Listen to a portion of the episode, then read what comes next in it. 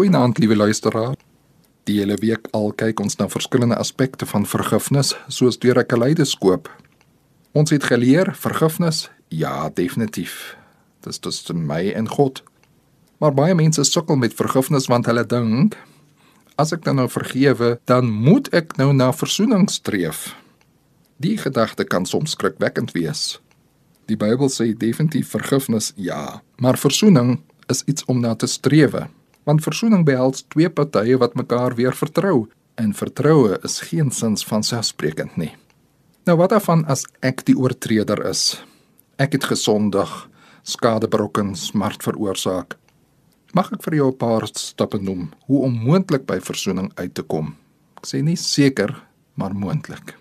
Stap nommer 1: Soek die regte atmosfeer en plek om met die slagoffer openlik en opreg te kan gesels. Stap nommer 2: Vertel die hele verhaal vanuit jou perspektief sonder om doekies om te draai, sonder verskonings en verduidelikings. Stap nommer 3: Leer belydenis af dat jy besef wat se skade jy berokken het. Sê vir die slagoffer wat jy glo wat se ongelooflike pyn en smart jy veroorsaak het. Neem verantwoording vir jou dade. Stap nommer 4: Betoon opregte berou sê duidelik as die situasie homself sou herhaal, sou jy dit en dat anders gedoen het. Maar jy spyt oor die dinge wat verkeerd geloop het en dan vra spesifiek vir vergifnis vir spesifieke wandade wat gepleeg is. Moenie algemeen en vaagweg net sê ag jy sommer jammer oor alles in die verlede. Nee, dit werk nie. Wees spesifiek met jou versoek om vergifnis. Dan die volgende stap is belangrik. Wag in geduld vir die reaksie van die slagoffer. Jy wat bely, doen afstand van alle regte. Geen onderhandelinge nie. Jy wat eens die magtige persoon was, jy is nou soos 'n klein hondjie wat op sy rug lê. Jy lewer jouself uit. Dis 'n moeilike stap, maar dit is in hierdie atmosfeer waar binne versoening wel moontlik is.